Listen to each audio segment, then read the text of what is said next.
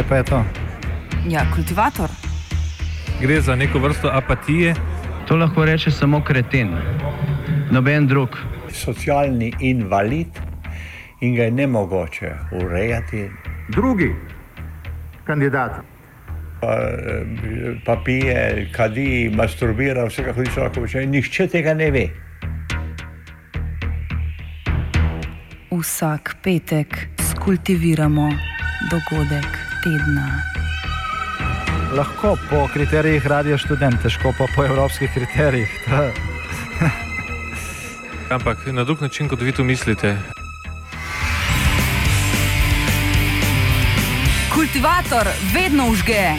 Da pač nekdo sploh omenja probleme, ki so, in da pravzaprav sploh nekdo sproži dogajanje uh, v družbi. To drži, drži.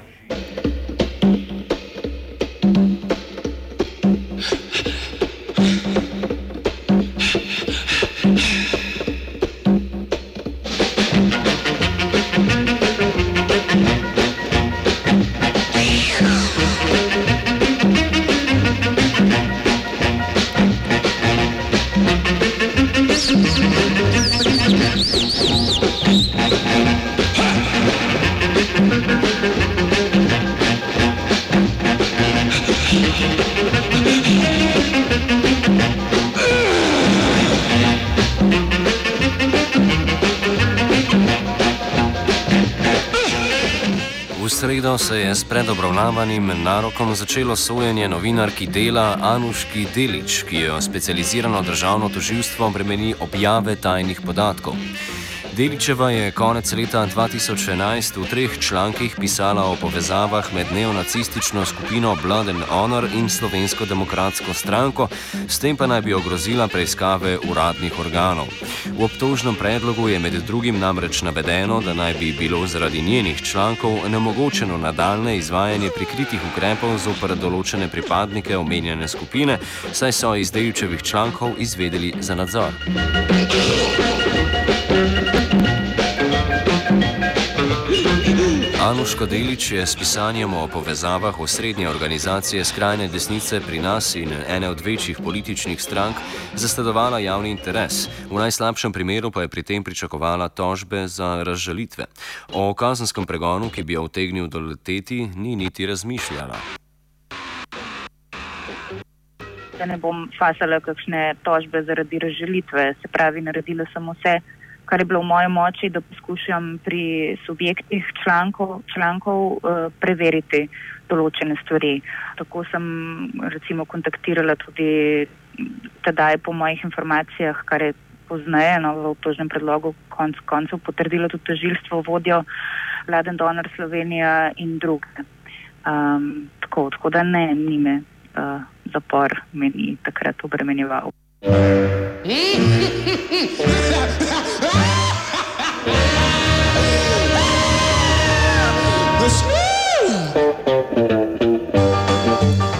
Za medijsko strokovnjakinjo Sandro Pašič Hrvatin je pregon Deličeve simptomatičen v času globalnega trenda omejevanja človekovih pravic.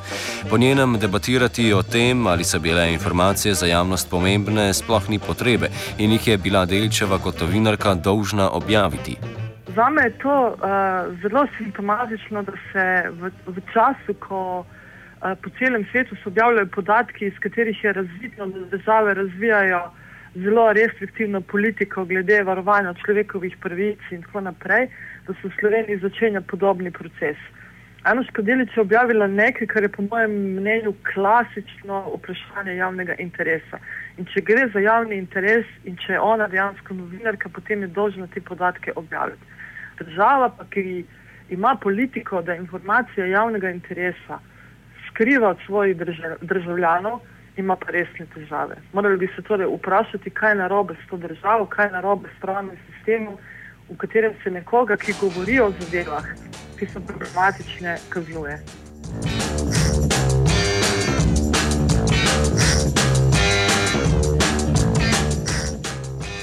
Po objavi člankov leta 2011 11, verjetno, ni bilo odzivov oziroma zahtev po popravku. Zanimivo pri kronološkem preletu vseh dogodkov v povezavi s tem sodnim pregonom je, da je Deličeva prvič opazila, da ji nekdo želi pripisati objavo tajnih podatkov prav strani neonacistične skupine. Poleti leta 2012 v zapisu Blood and Donor Slovenija na njihovi spletni strani, v katerem so sicer obračunavali s člankom kolega na delu, ampak to v enem odstavku, v vseh ostalih pa so pravzaprav um, nekako trdili, da sem jaz tako, tako vse informacije dobila od Sove. Danes vemo, da je le približno en mesec pred tem Sova pod vodstvom direktorja Damirja Črnčica uh, uložila kazensko vadbo za upr mene.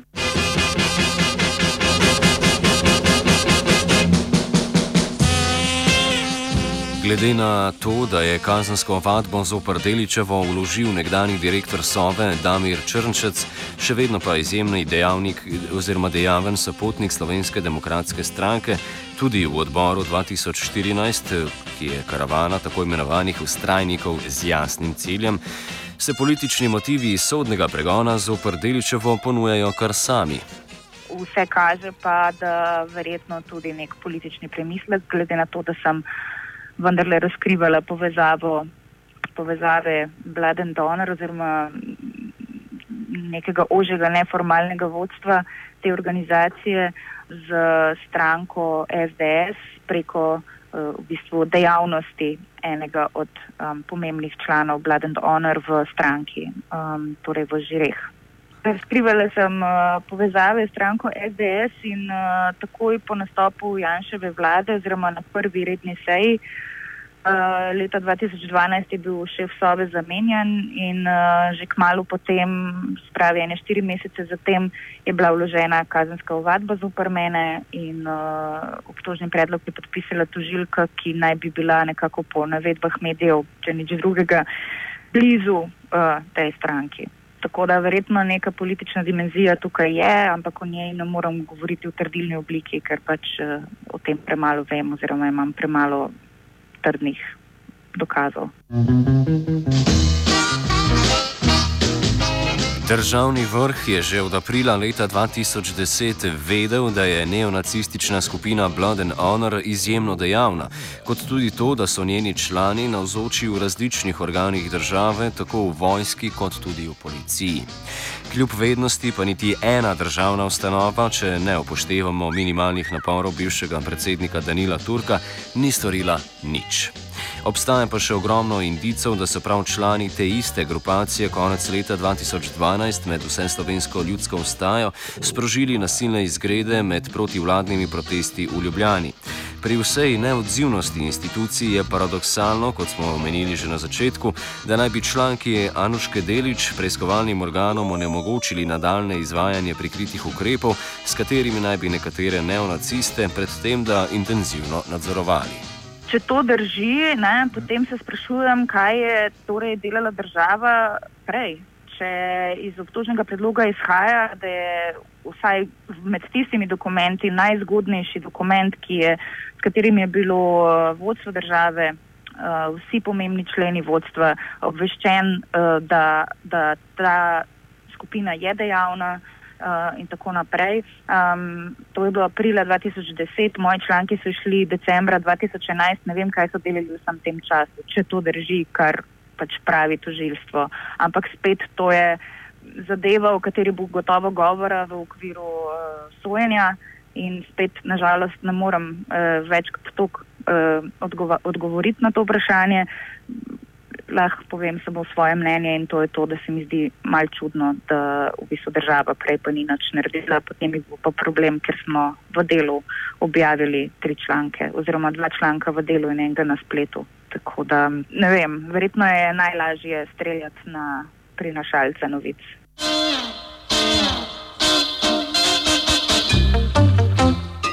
Ob sodnem pregonu Anuške Delič so se poleg domačih novinarskih stanovskih organizacij oglasile tudi mednarodne organizacije, ki spremljajo delovanje medijev.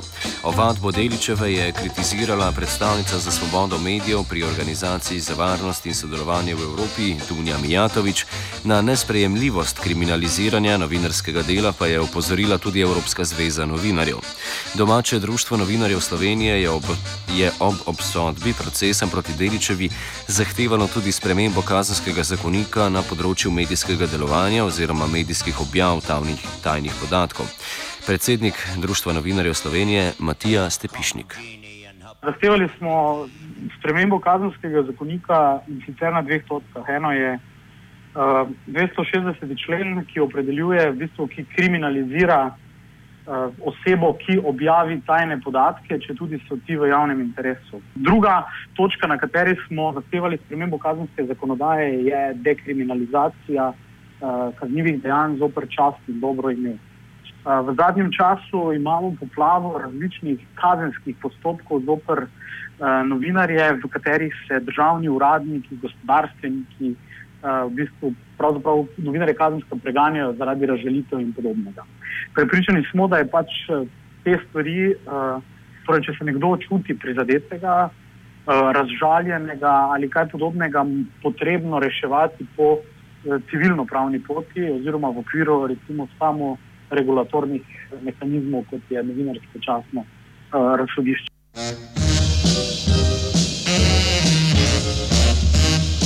Prvi odzivi kažejo, da se potrebe po spremembi zakonodaje vsaj na področju medijskega razkrinkanja oziroma razkrivanja tajnih podatkov v interesu javnosti zaveda tudi nova oblast. Novi ministr za pravosodje Goran Klemenčič je že najavil popravo kazenskega zakonika, spremembe pa bi po njegovem morale upoštevati dva vidika. Zakonodaja je trenutno taka, kot je, neustrezna z vidika varovanja javnih koristi in medijske svobode, pri čemer pa vendarle povdarjam, da kar se tiče samega izdajanja uradnih tajnosti strani oseb, ki so jih dolžne varovati, tukaj ne more priti do kakšne dekriminalizacije. To se treba zavedati, da pač vsaka država mora ščititi tajne podatke. Um, razen seveda, če bi šlo za izdajo tajnih podatkov, ki predstavljajo, ki so v bistvu whistleblower, če me razumete, ne, ki predstavljajo recimo um, neko storitev nekega kaznivega dejanja, ki so izredito v javnem interesu. To je en vidik. Drug vidik je pa, če so taki podatki našli pod iz uradnih služb, pa čeprav na nezakonit način, je pa inkriminirati medij ali posameznega novinarja, zato ker take podatke objavi, um, po mojem, v današnjem času uh, nedopustno. Mogoče, ampak to je stvar nadaljnega premisleka, bi bilo smiselno tukaj ohraniti kriminacijo samo v primeru, ko bi objava takega podatka neposredno ogrozila življenje ljudi. To so rešitve, ki jih nekatere druge države tudi poznajo. Nikakor pa ne splošna inkriminacija, kot je sedaj v kazenskem zakoniku.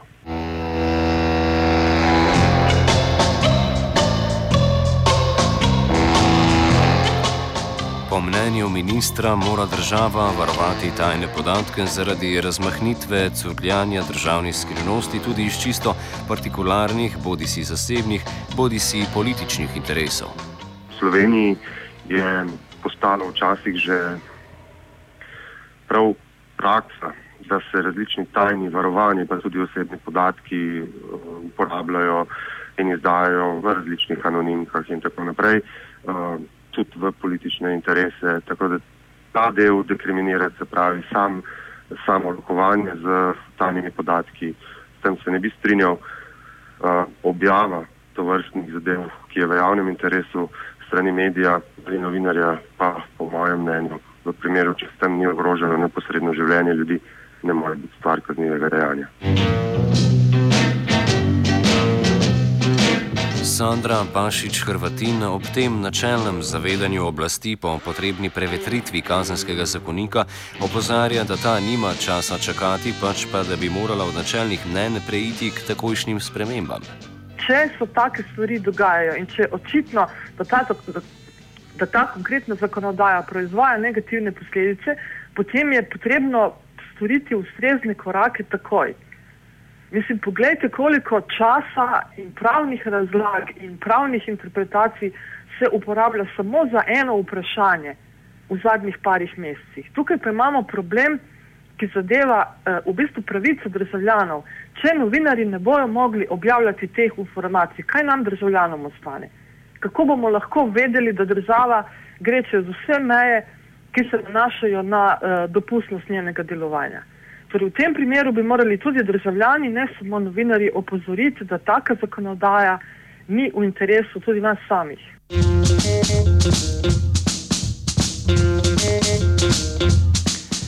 Pravosodni minister Klemenčič odgovarja, da ministrstvo ne namerava hiteti, pač pa bodo šli v celovitejše spremembe zakonika.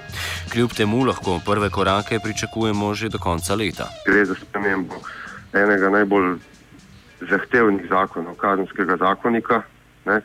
In da si ne želim, da bi šli tukaj zale, po domače povedano, naslednji teden v spremembo samo enega člena, uh, ker je tukaj odprtih še nekaj drugih vprašanj v povezavi z recimo korupcijskimi kaznjivimi dejanji in mogoče preniskimi kazni na tem področju. Uh, vsekakor pa bodo prve rešitve na mizi že recimo do konca leta.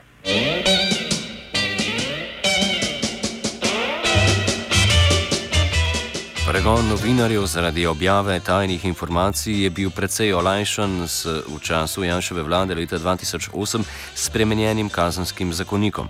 Izdaja in objava tajnih podatkov sta bili sicer tudi pred letom 2008 kaznivi dejanji, a so bile omejitve sodnega pregona v primeru medijskih razkriti državnih tajnosti precej večje. Matija Stepišnik.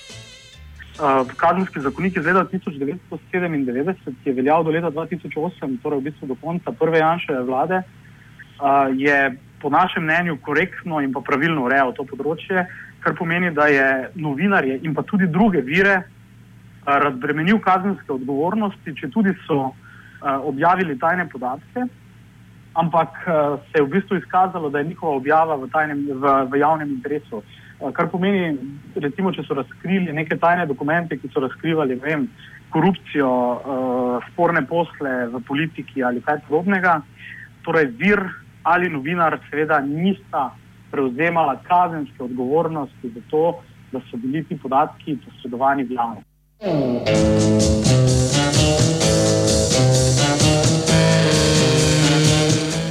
Zakonodajalec je s premembami kazenskega zakonika leta 2008 takšne okoliščine opustil in z 260. členom zakonika sodni pregon novinarjev ob, ob objavi tajnih podatkov praktično avtomatiziral. Prav, tako je, v bistvu je to uradno pregonljivo kaznivo dejanje. Ne? Pravzaprav pa je treba ob tem tudi vedeti, da v bistvu vsak dokument, skoraj, ki gre v obtok v državni upravi, ne, oziroma v državnih institucijah, posebej tisti, ki vodi politika, je na neki točki tajen. Torej, tudi zakonodajni recimo, dokumenti so eh, v začetku postopka, seveda imajo neko oznako tajnosti, ne? kasneje, ne vem, to oznako ponavadi seveda izgubijo. Ampak eh, v vsakem primeru je izrazito pomembno, da bi imeli tu zakonodajo, ki ščiti absolutno na eni strani novinarje, ampak na drugi strani tudi vir informacij, kaj ti sploh v zadnjih letih, sploh za primerom Snowden, kot nekaterimi drugimi primeri, se je izkazalo, kako v bistvu nujni in pa potrebni vir informacij za novinarje so torej tako imenovani anonimni viri, žvižgači, insideri, tisti, ki vrstno poznajo, v bistvu tudi neka zakolisija in pomagajo v bistvu novinarjem razgaljati in pa v bistvu rastirati neke kulise, ki jih sicer uh, ponavadi razni centri moči, politiki postavljajo pred javnost.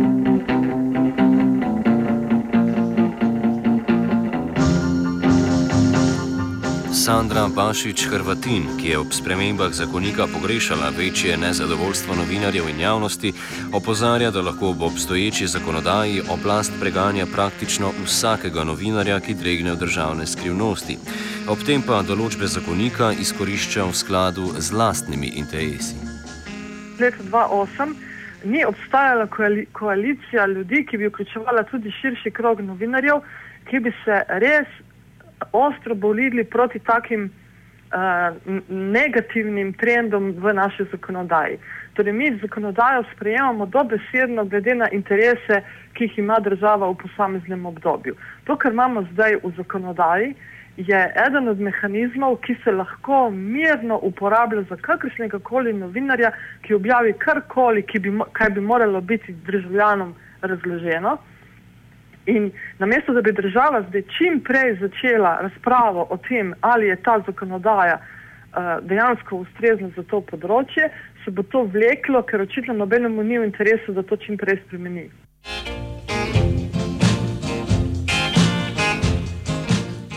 Medijski prostor pa ne ožijo samo kazenski procesi zaradi medijske objave tajnih podatkov, pač pa tudi vse bolj subtilni pritiski medijskih subjektov, v največji meri predstavnikov kapitala.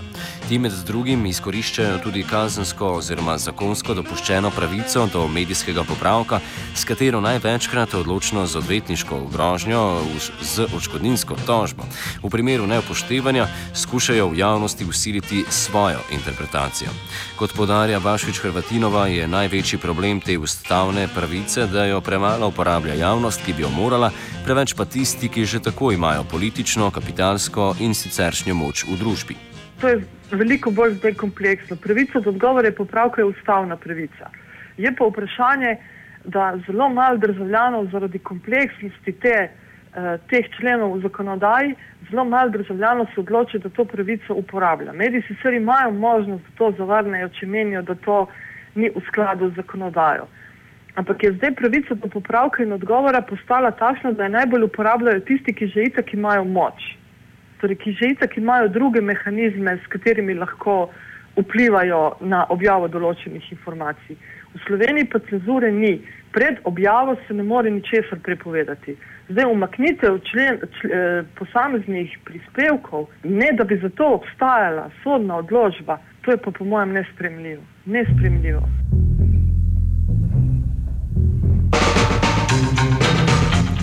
Večkrat pa gredo ti pritiski seveda dlje od popravka. Opremljeni z dragimi odvetniki, predstavniki kapitala izvajajo najrazličnejše pritiske. Navedbe o konkretnih primerjih hranimo v uredništvu, a jih zaradi nedosegljivosti akterjev nismo uspeli preveriti, zato jih tokrat ne objavljamo, da dosežejo celo umik člankov in medijski mok. Matija Stepišnik. Temi pritiski politike, sistema, represivnega aparata, v primeru delične. Eh, in pa v primeru takšnih v bistvu kapitalskih intervencij, torej centrov moči, gre za poskus seveda oženja svobode, gre za poskus oženja polja informacij, nekega dostopa do informacij, uh, ki so za javnost pomembni. In kapitalski centri moči seveda v tem primeru seveda izkoriščajo to svojo recimo, ne vem, tudi veliko finančno uh, stabilnost, moč, uh, najemajo drage odvetnike, ki potem v bistvu poskušajo uh, doseči celo umike člankov, ki pritiskajo seveda na uredništva, ki grozijo z umikom ne vem, oglaševalskega prostora ali pa na nek način v bistvu poskušajo seveda z različnimi prijemi uh, doseči neko bolj uh, prijazno, servilno pisanje uh, ali pa celo popolno, popolno odpoved uh, objavljanja nekih tem. Uh, tudi tega imamo v bistvu v slovenskem medijskem prostoru veliko in mogoče je tega uh, na bolj, takšni pritiski so celo včasih bolj prefinjeni, bolj subtilni, manj vidni. Uh, mogoče se jih včasih celo niti ne zavedamo tako, kot v primeru, ko se pač na novinarja spravi, kot v primeru Anuške Delič, represivni aparat.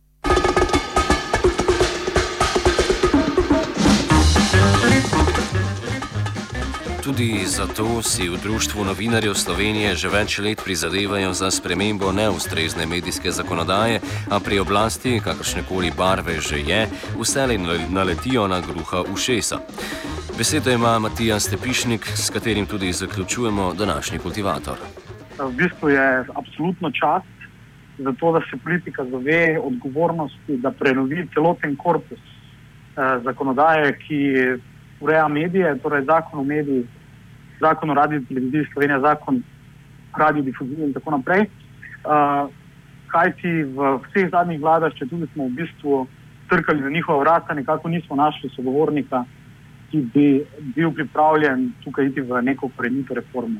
Zadnje spremembe medijske zakonodaje so stare praktično deset let, bile so tudi napisane v nekem specifičnem političnem obdobju, v času nekega, neke v bistvu jeze, tudi v bistvu nekega konflikta z mediji in ta zakonodaja je absolutno slaba, ne ščiti interesov ne javnosti, ne novinarstva.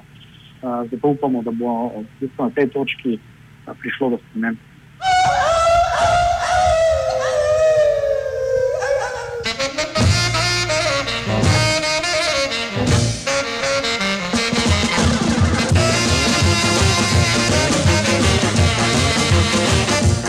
Kultivirala sta Marcin in Počivalšek.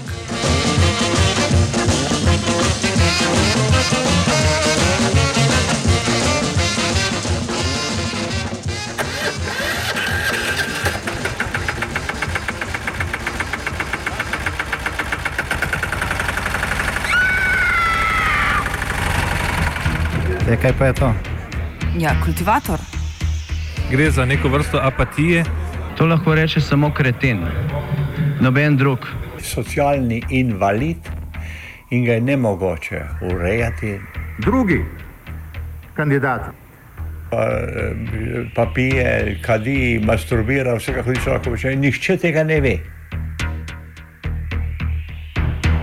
Vsak petek skultiviramo dogodek tedna. Lahko po kriterijih radio študent, težko pa po evropskih kriterijih. Ta- Ampak na drug način, kot vi to mislite. Kultivator vedno užge. Da pač nekdo sploh omenja probleme, ki so, in da pravzaprav sploh nekdo sproži dogajanje uh, v družbi. To drži, drži,